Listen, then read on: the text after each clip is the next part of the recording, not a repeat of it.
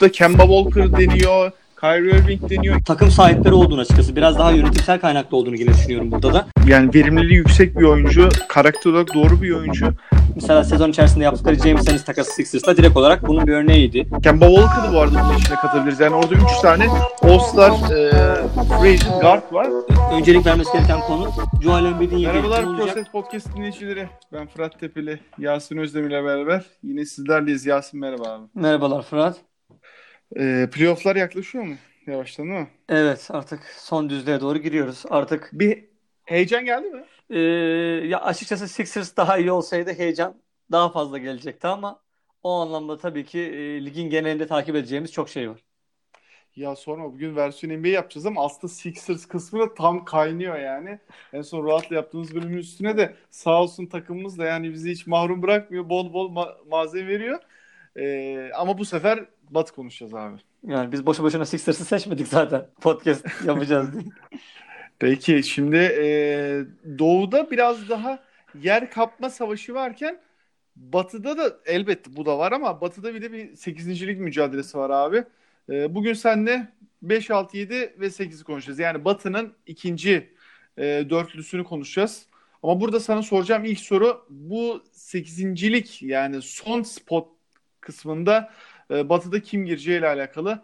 Abi şu aşamada New Orleans, San Antonio, Portland ve Sacramento oraya aday. Yani oraya matematiksel olarak da e, şu anki potansiyelleri olarak da e, yetişebilirler. Hmm, Buradaki ilk sorumla başlıyorum abi. Şu anda 8. sıra Memphis Grizzlies'te. Bu dört takımdan biri oraya geçebilir mi? Tabii ki geçebilir. Şöyle ben zaten sezonun başında yaptığımız bölümlerde Pelicans'ı hani açıkçası 8. lig adayı olarak görüyordum. Hani sen daha temkinli yaklaşıyordun Pelicans'a o anlamda. Ee, öyle hatırlıyorum ben en azından. Hı hı. Ee, şöyle yani 8. sıra takımı şu anda orada hani aday olarak Memphis gözüküyor ama hani Memphis'i tabii geçen bölümlerde biz daha çok konuşmuştuk. Şu anda baktığımız zaman o takımlar arasında e, yani 8. olmaya en az muhtaç takım aslında Memphis. Yani playoff baskısının üzerinde en az hisseden e, kalmasa da hiçbir şey kaybetmeyecek. E, bence hatta kalmaması kendisi için daha hayırlı olacak bir durum. E, en azından lotaryadan bir oyuncu daha kapabilirler. E, yani bu şekilde olursa mesela en azından bir tane güzel bir draft hakkından olacaklar ve e, yeniden yapılanmalarında ufak bir e, kusur olmuş olacak. Öyle söyleyeyim. Bir tane daha iyi bir oyuncu kapabilirler şu anda. Tamam ellerinde çok güzel bir takım var ama hala daha bu takım hani e, yani daha bitmeyen bir takım ve üstüne şeyler koyabilecek, parçalar ekleyebilecek bir takım ve e, daha hani Jaren Jackson Jr. ve Ja Morant'ın ilk seneleri hani o kadar acele etmelerine zaten hemen playoff'u kovalamalarını gerektiren bir durumda değiller. Ne de bu takım bir playoff için kuruldu zaten ki sezon içerisinde yaptıkları takaslarla aslında biraz daha bence zayıflatmış oldular. Ee, dolayısıyla hani Mem- Memphis'in sezonun ilerleyen bölümünde biraz daha düşeceğini e, ve 8. sırayı kaybedeceğini düşünüyorum açıkçası. Hani benim sevdiğim bir takım olmasına ve bu yapılanmalarını desteklememe rağmen o takımları şöyle ufak ufak değerlendirirsem çok detaya girmeden hızlıca geçeceğim burayı. Daha sonra istersen detaylı sen yine bana tabii e, yönel- yöneltirsin. Portland'ın o benciyle e, yani herhangi bir şey yapabileceğini düşünmüyorum ki Lillard zaten e, sakat. İşte CZ şu an iyi oynuyor gibi gözüküyor ama kadro olarak onlar zayıflar. Bence yani Minnesota ile beraber bence Batı'nın en zayıf bence Portland'da. Dolayısıyla onların bir şansı olduğunu düşünmüyorum. E, Spurs ve Sacramento'nun da nefesinin yeteceğini açıkçası sanmıyorum ki Sacramento son 16 maçın 11'ini kazandı. Onlar biraz daha bastırıyor e, olabilirler ama ben halen daha Sacramento'nun iç karışıklıklarını tam olarak giderebildiğini sanmıyorum açıkçası. Şimdi burada Memphis'e geçmeden evet şu dört takım bir ele alalım isterim. Burada e, bir takım geçecekse bu arada hani 8. sıraya bir takım kapacaksa e, bence New Orleans. Şimdi burada senden net bir takım isteyeceğim ama bence New Orleans çünkü Hı hı. New Orleans şu anda en kolay üçüncü fikstüre sahip takım. Ama şöyle bir e, orada bir çelişki demeyeyim ama e, enteresan bir çekişme var. Portland'da en kolay e, dördüncü fikstür, San Antonio'da e, altıncı fikstür. Şimdi böyle olunca yani orada Sacramento dışında geri kalan üç takımın da fikstürü inanılmaz kolay.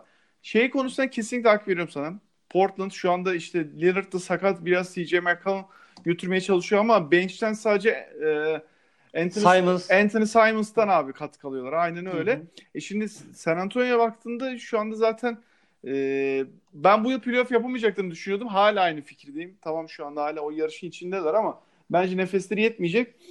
Sacramento'ya geldiğimizde de abi yani o sondaki düzlüğü götüremiyorlar ya. Yoksa e, aslında şey kadroda kötü bir durumda değiller. Genel olarak oyuncuların e, sağlık durumları da fena değil ama özellikle e, New Orleans'ta şimdi Zion Williamson'ın da dönüşüyle beraber orada bir böyle bir hmm, ne derler işe biraz daha asılma, daha böyle e, gayretli oynama bir çabası var. Ve son e, 10 maçın 6'sını kazandı. Gerçi son 2'yi kaybettiler ama e, yine de şeyler. Ben bir tık daha onları ihtimal dahilinde görüyorum. Ama tabii şey var abi. New Orleans'la Memphis arasında şu an 4 galibiyet fark var ve yaklaşık 21-22 maç kaldı. Yani bu yine de kapanmayabilir. En yakın şu an Sacramento ama onda bile 3 maç fark var. Ondan dolayı e, yine de Memphis ipi gösterebilir. Sen peki bir takım seçecek olsan bu dörtlü içinde kim olur Yok ben de kesinlikle Pelicans derim. Ee, hani zaten reytingler falan hesaba kattığın zaman hani New Orleans'ın durumunu hesaba kattığın zaman lig genelini hesaba kattığın zaman da Pelicans'ın olması e, işte ilk turda ol, olası bir LeBron Zion eşleşmesi gibi çok pompalanıyordu zaten şu anda. Hı hı. E, dolayısıyla lig içinde en hayırlısı bu olur açıkçası. E, yani dediğin gibi yani galibiyet farkı fena bir fark değil. Kapanmayabilir. Yani Memphis bu süreci birazcık basat bile geçse yine e, playoff'a kalan taraf olabilir ama bu alt dörtlüden birini illa seçmemiz gerekiyorsa bu Pelicans bence.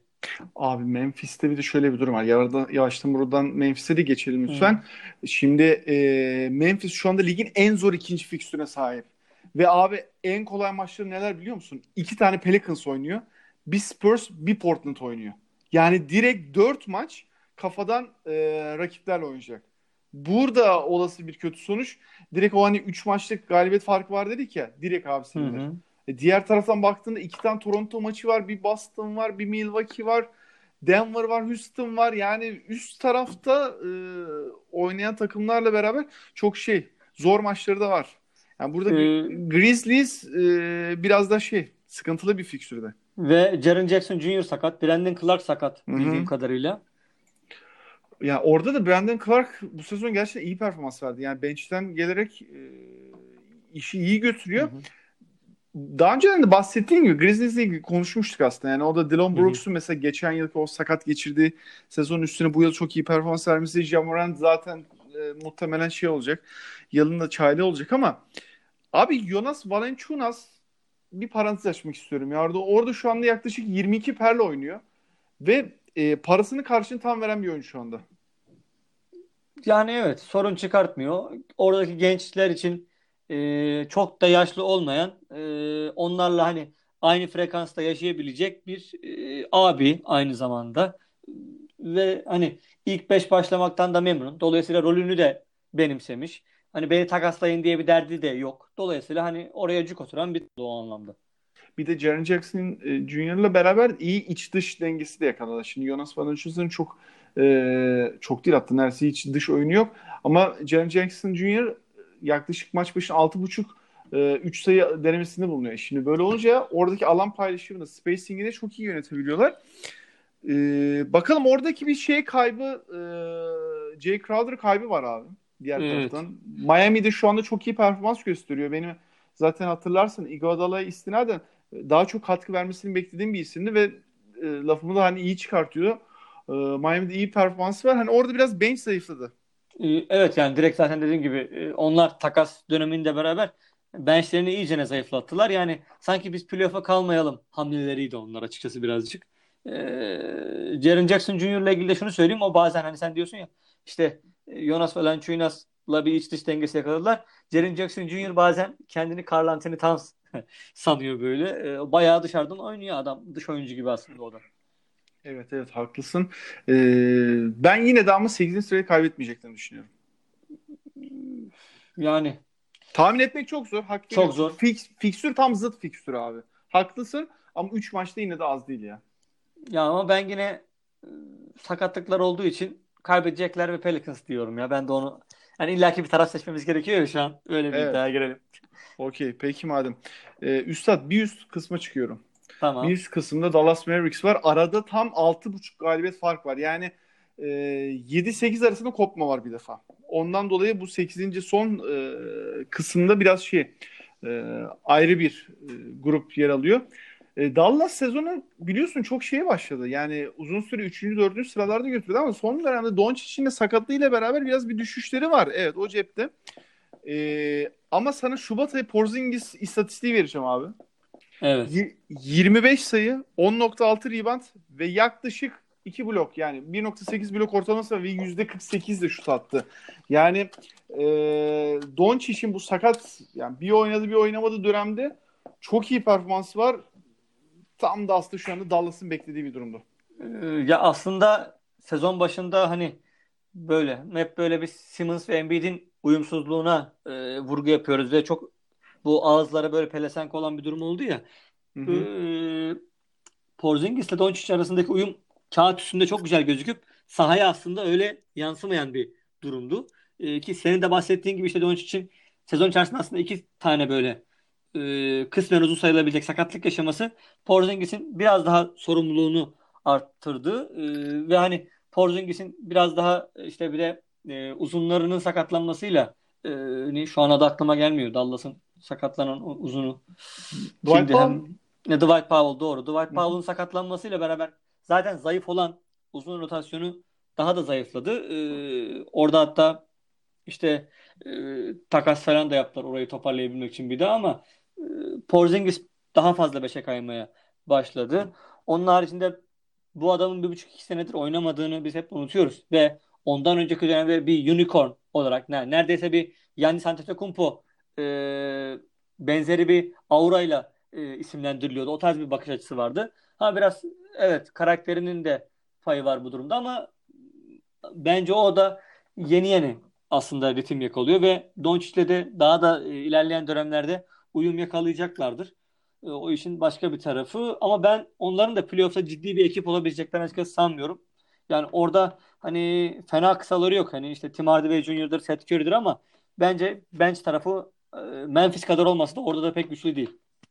Yo, ben çok zayıf. Haklısın ama son dönemdeki Seth Curry'nin formu da abi çok şey ya. Şaşalı değil mi? Çok iyi şut sokuyor bu aralar. Evet.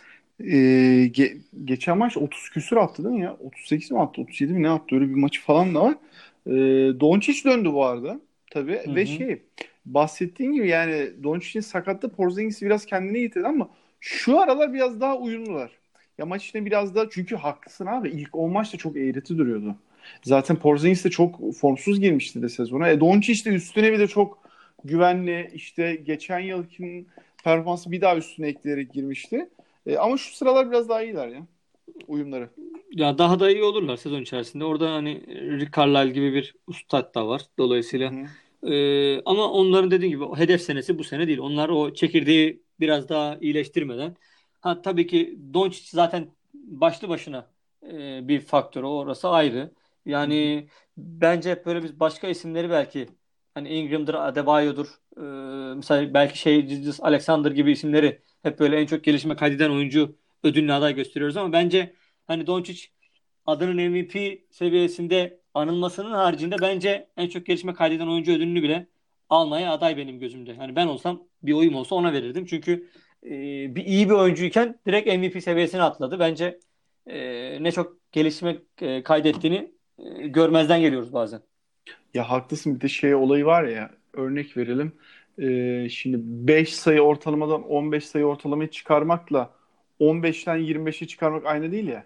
Yani evet. Ee, öyle bir durum da var yani şu anki istatistikleri 28.5 sayı 9.3 rebound 8.8 asist bu absürt yani 28 perle oynuyor abi adam. Yani Haklısın. şimdi gidip ödülü Devonta Graham'e verirsek bence ayıp olur Doncic'e yani. Ama Graham e, ve daha yakınlar şu anda. Bilmiyorum. Aynen. Çünkü bir de şey de var. İkinci yıl oyuncuların tabii şeyi de var ya. Ya evet o her zaman öyle oluyor. Bu ödül genelde şey oldu artık. E, ikinci, üçüncü yılında böyle istatistiklerini zıplatan oyuncu ödülü gibi bir şey oldu. Evet. E, Mavericks'in de şeyi bu arada fikstürü zor. E, artık bundan sonra biraz da takımları incelerken tabii fikstürlere de bakacağız. Çünkü sezonun dediğim gibi yani yaklaşık 20-22 maç kaldı. Her takım için ayrı tabii de. E, ondan dolayı o Mavericks'in o kısmını da incelerken evet zor bir fikstürü var. Ama tabii şey yani 7. sıradan düşmeyecektir belli çünkü çok ara açık, gap çok fazla. Ondan dolayı hani e, ben de evet playoff'ta çok büyük bir şey olacaklarını düşünmüyorum. Yani bir ihtimal hani 3-6 Denver'la eşleşirlerse bir ihtimal. Hani oradan belki bir tur geçebilirler ama e, Lakers'ın herhangi bir takımıyla eşleşirlerse zannetmiyorum. Yok e, yani onları şöyle söyleyeyim. Hani onları Clippers da mahveder, Lakers da mahveder ki yani Batı playoff yarışı zaten e, böyle bir şekilde bir yarı finalde falan eşleşmezlerse aslında iki takımlı tek şehirli bir yarış Batı playoff yarışı şu anda. Aynen Direkt- öyle. Doğru direkt- diyorsun. Ee, orada da yani şey e, nasıl pozisyon alacağın da önemli. Ee, bakalım abi geçiyorum o zaman. Tamam. Bir üst e, sıraya geçiyorum. Aşağıdan başlamıştık. Oklahoma City Thunder. Şimdi sezon başlangıcında biz bir değerlendirmeler yaptık biliyorsun. Takımları konuştuk. Sen anlattın, ben anlattım. Bunu düşünmüyorduk herhalde değil mi? Şu anda 37 galibiyet, 24 mağlubiyet ve 6. sıradalar. As, asla düşünmüyordum. Yani hatta Chris Paul'un ben direkt böyle Aralık 15'ten sonra takaslanabilecek oyuncular oluyor ya e, sözleşme Hı hı. yapan oyuncular. Ondan sonra Şubat'a kadar kesin e, ayrılacağını açıkçası düşünüyordum ama onlar e, Chris Paul'u takaslamak bir yana Gallinari'yi bile hani göndermediler ya da gönderemediler anlaşamadılar o ayrı ama Gallinari benim bildiğim kadarıyla yazın sınırsız serbest olacak. Ondan bir şey alamama ihtimalleri var. Ben o Gallinari özelinde birazcık başarısızlık olarak görüyorum onu göndermemelerini. Ha, küçük market takımı olmalarını anlıyorum. Evet onlar için playoff yapmak önemli bir şey. Playoff'taki o dört maçın gelirini almak bile önemli bir şey. E, imaj arasından da önemli bir şey ama onlar için de sonuçta hedef seneler bu dönemler değil. Ama tabii Chris Paul kendini bir anlamda Houston'da e, kötü bir ayrılık yaşadığı için tekrardan ispatlamak e, istiyor. E, ve playoff'ta onlar atılacaklar açıkçası. Çok iyi bir mentor bir de Chris Paul yani. Orada da e, gençlere de iyi bir şey yapıyor. E, bir eğitim, bir mentorluk yapıyor. Bu arada hemen hızlıca baktım. Evet Gallinari'nin kontratı bitiyor abi. Doğru Hı hı. hatırlıyorsun. 22 milyon dolarlık bir kontratı var ve bu yıl bitiyor. E, ama tabii onların şey salary cap'leri tam sınırda. Ondan dolayı hani And trade mi diyorsun? Belki Evet evet yani muhtemelen hani öyle bir muhabbet var. Bir de şey Andre Robertson'ın da kontratı bitiyor. Ee, takıma geçersek aslında 5 galibiyet almışlardı ama sonrasında 2 galibiyet aldılar şu anda güncel formlarına baktığımızda. Ee, ve evet yani şu anda çok şaşkın bir durumdayız. Takımın abi e, ilk altısı diyeyim tırnak içinde çok verimli. 3 oyuncu şu anda 21 perin üstünde. Diğer taraftan Gallinari bile çok iyi performans veriyor ve verimli veriyor bunu. Fener şu ana kadar 52 maç çıktı abi. Sezon başında hatırla yorumlarımızı. Yani bu adam yarı e, sezon oynası yeter diyorduk. Şu anda 52 buldu adam ve hani iyi sağlıklı bir durumda. E, e, diğer taraftan e, Gilgis Alexander belki de beklentimizin üstüne çıktı. Bu kadar hızlı e, bir grafik beklemiyorduk. Yükselen bir grafik beklemiyorduk. Ee, tabii şey de vardı yani Steven Adams bile hatta Dennis Schroeder'ı bile elden çıkarma ihtimalleri var diyorduk hatırlarsın. büyük ihtimalle önümüzdeki sene içerisinde olacak bu dediğin hamleler. Belki de ama şey e, tabii çok iyi draft hakları var. Ee, Aynen. ve şu anda onlar için e, şey de playoff'ta iyi bir tecrübe olacak. O açıdan da Yani- güzel. Yani evet hem de Sam Presti iyi bir draftçı. Ee, Ben ona baktım. Önümüzdeki 7 draftta 15 tane birinci tur hakları var. Tabii şeyden çok kaptılar ya Westbrook takısından. Aynen. Oradan çok kaptılar. Yani belki çok yukarı sıra e, draft hakları değil ama böyle şeyden e, 23-30 arası çok Hı hı. şey ellerine geçecek yani. E, bakalım yani orada da ama şey yani e, genel sıralamaya baktığımızda da şu anda virgül ayırıyor diyeyim yani. Şu anda mesela 10.5 galibiyet fark var Batı lideriyle arasında Oklahoma'nın. Dallas'ın 11. Yarım maç var sadece. Ama Oklahoma'nın bir üstüne baktığında Utah Jazz var. Biraz da ona geçeceğiz zaten. Bir buçuk galibiyet fark var. Yani böyle çok küçük nüanslar ayırıyor. Ee, bakalım orada da ne olacak. Ortalama bir fikstür zorlukları var onların da. Oklahoma'nın da. Ee, var mı abi ekleyeceğim bir şey? Yok. Peki. ee, son takımımıza geçiyoruz bugün. Abi zor bir takım. Utah Jazz. Hı hı. Direkt şu soruyla giriyorum sana. Utah Jazz playoff'ta Batı yarı finaline çıkmaya aday mı? Ee, ya aday ama benim açımdan hayal kırıklığı aslında Utah Jazz bu sene.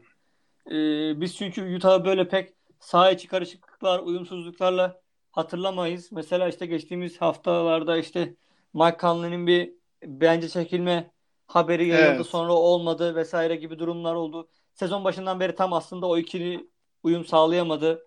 Ee, yani bir de bu uyum sağlayamayan adamın Mike Conley olması benim açımdan başlı başına bir hayal kırıklığı. Ee, ama yani Quinn Snyder her zaman e, çözümler üretebilecek bir koç. Hani benim ligde saygı duyduğum koçlardan bir tanesi. Ee, dolayısıyla playoff'ta mesela bir yine belalı Houston eşleşmesi onlar için gözüküyor şu anda direkt zaten. Ee, o eşleşme ilk turun belki de en güzel eşleşmesi olabilir. Ee, tabii orada e, Russell Westbrook'la e, Rudy Gobert eşleşmesi nasıl olacak onu göreceğiz. Ee, yani yarı finale çıkabilir mi? Gayet tabii çıkabilir. Ben çünkü yani Houston'dan e, yani biraz yalancı bahar bir performans alıyoruz şu anda benim açımdan. Dolayısıyla Utah çıkarsa ben şaşırmam yani öyle söyleyeyim. Peki yani onlar da aslında dediğin tam dönemde o Mike Conley'nin olayını patladığı dönemde 4 maç ardı ardına kaybettiler ama e, Wizards ve Cavaliers maçlarını tık tık hemen hızlıca kazanarak Hı-hı. bir iki galibiyetlik seri yakaladılar. Onlar abi sezon için şu Jordan Clarkson ya. Çok iyi bir e, hamle ve bu kadarını beklemiyorduk herhalde değil mi? Yani şu anda 16 sayı, 3 rebound, 1.5 e, asistlik bir ortalaması var. %48'de şut atıyor. Abi Jordan Clarkson'ın kariyerinde bu kadar verimli oynadığı dönem yok. Ve hani karşılığında da hiç verim alamadıkları kariyerinin başından beri e, oyuncuyu gönderdiler Avustralyalı. Hı hı. E, dolayısıyla yani onlar için direkt olarak bir kazanç oldu. Ve bench'ten gelip skor katkısı yapabilecek her an bir oyuncu aldılar. O da hani Cleveland'daki o kaotik atmosferden kurtulunca Clarkson e, kısmen hani kendi lig içe, ligdeki imajını da biraz değiştirmiş oldu açıkçası. Onlar için son derece başarılı bir transfer oldu. Sezon içerisindeki bir hamle oldu. Şimdi geçen yılki Utah Jazz takımlarını hatırlayalım abi. Hı hı. Şimdi orada çok iyi savunma yapan ama hücumda çok kısır. Hele hele e, Donovan Mitchell'ın iyice takımın liderliğini almasıyla beraber sadece onun toplu oynadığı ve dört adamın beklediği bir oyun sistemi vardı. Hatırla Derek Favors'la olduğu dönemlerden bahsediyorum. Hı hı. Sonrasında yazın işte ne oldu? Boyan Bogdanovic'in katılması, Mike Conley'nin katılması dedi ki bunlar birebir hücumu destekleyen, çeşitliliği arttıran işte Boyan Bogdanovic'i hem toplu hem de e, duran şutör olarak kullanırsın. Mike Conley çok iyi bir pas istasyonu zaten. Kendisi de skor üretebilen bir oyuncu diye almıştık. Ama abi şu anda bir de şey sorunları var yani. Bir top yetmiyor onlara. Mike Conley top elini istiyor. E, Donovan Mitchell top elini istiyor. Şu anda Boyan Bogdanovic'i nokta şutör olarak kullanıyorsun. Aslında o gayet toplu da oynayabiliyor. E, Jordan Clarkson bench'ten geldiğinde o da topu elinde istiyor. Yani orada Joe, bir Joe Ingles da var hatta topu elinde isteyen. ilk beş başlamak isteyen hatta. Haklısın ki Joe Ingles'ın e, birinci değil ama ikinci top dağıtıcı olarak kullanılması verimli de oluyor aslında. Hı-hı. O kısım da öyle de abi tamam da maçta da bir tane top var ve yani e, bu oyuncuları nasıl alacaksın? Bu sefer de öyle bir sorun çıktı. E, diğer taraftan e, Favors'ın gerçekten yıllar içinde fark etmemişiz ama hani eksikliğinde ne kadar değerli olduğunu şu anda fark ediyoruz. Yani savunmada bütün yük Gober'in üstüne kaldı. Favors orada ciddi bir sertlik yapıyordu. Ve 4 numarada abi şeyler zayıf kaldılar. Ben de onu diyecektim hmm, sana direkt hani araya girip aslında. Hani bu takımın bence e, Kanli'dir, e, top paylaşımıdır. Hepsini ki yine top paylaşımında e, yani paslaşma konusunda bir krizleri yok. Gayet iyiler o konuda ama dediğin gibi oyuncular işte biraz Simmons'la Embiid'de olduğu gibi birbirinin ekmeğinden yiyorlar. Öyle bir durum oluyor. E, ama bu takımın en büyük sorunu bence 4 numara. Yani ben Royce O'Neal'ı çok seviyorum bir rol oyuncusu olarak. O ayrı. Yani onun bir kabahati yok. Ama e, yani uzun vadede de playoff'ta tur atlamak istiyorsanız e, yani 4 numara rotasyonunuz böyle olmaması lazım. E, orada başka oyunculara hamle yapabilirlerdi. Yani Jordan Clarkson'dan ziyade ben mesela işte e, Marcus Morris falan buraya daha iyi oturur ya da Markieff Morris gibi isimler. Ama tabii orada şey de var. Batı'da da baktığında Lakers dışında çok büyük olan ve e, Utah sıkıntı yaratacak çok takım da yok ha. Yani ne bileyim bence Clippers da şu an onları tokatlar yani. Ee, Clippers 3-4 pozisyonunda uzun kalıyor. Hı. Evet ama mesela şey de var ya Mike Conley ilk 5'i ya da o anda saha içinde 5'i aldığında Donovan Mitchell'le beraber oynuyorsa şey de e, kısa rotasyonda iyice kısalmış oluyor ya. Hı hı. Hani orada çok şey mesela Clippers o kadar zorlamıyor. 3-4 pozisyonda haklısın ya. Paul George, Kawhi güçlü kalıyorlar. Ee, ama mesela işte Donovan Mitchell şey e, Mike Conley, Joe Ingles oralarda çok şey yapmıyorlar. Ezilmiyorlar yani. İşte Hı-hı. orada mesela Royce O'Neal evet eşleşir. Sıkıntı yok. Ama mesela şey hani diğer taraftan baktığında Gober'le eşleşmiyor o zaman da Clippers. Yani evet. e, Zubac orada ezilen taraf Hı hı. olur tabii ki diyelim. Öyle bir durum var. Bakalım yani hani tabii Boyan Bogdanovic de kalın bir oyuncu aslında pozisyonuna göre. Yani orası da öyle ama e, O da tabii ayak ayakla yavaşlığı olarak yani ayak hızlılığı olarak e, hiç zaman çok iyi bir oyuncu olmayacak. Yani ne kadar aksamasa da Avrupa'da bile şeydi zaten Yani- yavaştı. yani müthiş değildi. Dolayısıyla burada aksamaması gayet doğal. E, orası öyle. Bakalım e, ne olacak ama yani e, Gober sezon nasıl bitirecek çok merak ediyorum. Şu anda yaklaşık 34,5 dakika maç başı oynuyor ama nasıl oynuyor yani o dolu dolu 34,5 dakika hiçbir destek almadan oynuyor. E, göreceğiz abi. O kısımda Hı da öyle. Derledik genel olarak biraz hızlı bir yayın oldu ama şöyle kapatmak istiyorum. Grizzlies'i dahil etmiyorum ama Mavericks, Oklahoma, Utah. Bunlardan herhangi biri e, Batı finalini görmesini bekliyor musun? Ben beklemiyorum. Yok yani şöyle söyleyeyim. Clippers'la Lakers'tan e, hariç bir takımı görürsem ben şaşırırım öyle söyleyeyim. O da olası bir Lakers Clippers yarı final eşleşmesi olmasa zaten başka bir takımı görmeyeceğimizi düşünüyorum. Ha o takımların haricinde kim olabilir dersen e, yani yine Houston açıkçası kalıyor bize. Denver'ın ne yazık ki ben halen daha o çıtayı atlayabildiğini düşünmüyorum bu sene. Hı hı. Ee, benzer Dolayısıyla yani o alttaki takımların bir şansı yok ne yazık ki. Clippers'la Lakers'ın bir şey yanlış yapması lazım. Anca onların yükselebilmesi için. Evet ya da bir sakatlık vesaire olması Aynen. lazım. Ee, tamam üstad ağzına sağlık. Böyle Ben- dinamik bir yayın oldu. Aynen teşekkür ederim ben de sana. Ee, 5 6 7 8 konuştuk Batı'da. Sonraki yayın tahmin ediyorsunuzdur ne kısmı konuşacağımızı. Ee, diğer taraftan da hemen 8'in altındaki 4 takım Sacramento, Portland, San Antonio ve New Orleans Pelicans bir plası olup oradan 8.liğe kapak atarlar? Biraz onu inceledik. Ee, Yasin'cim teşekkür ederim. Ben de teşekkür ederim. Ben Fırat Tepeli, Yasin Özdemir'le beraber sizlerleydik. Proses Podcast versiyon NBA yaptık. Yavaştan playoff yaklaşıyor. Ee, Batı playoff ikinci dörtlü grubunu konuştuk. Biz dinlediğiniz için teşekkür ederim. Hoşçakalın, görüşmek üzere. Hoşça kalın.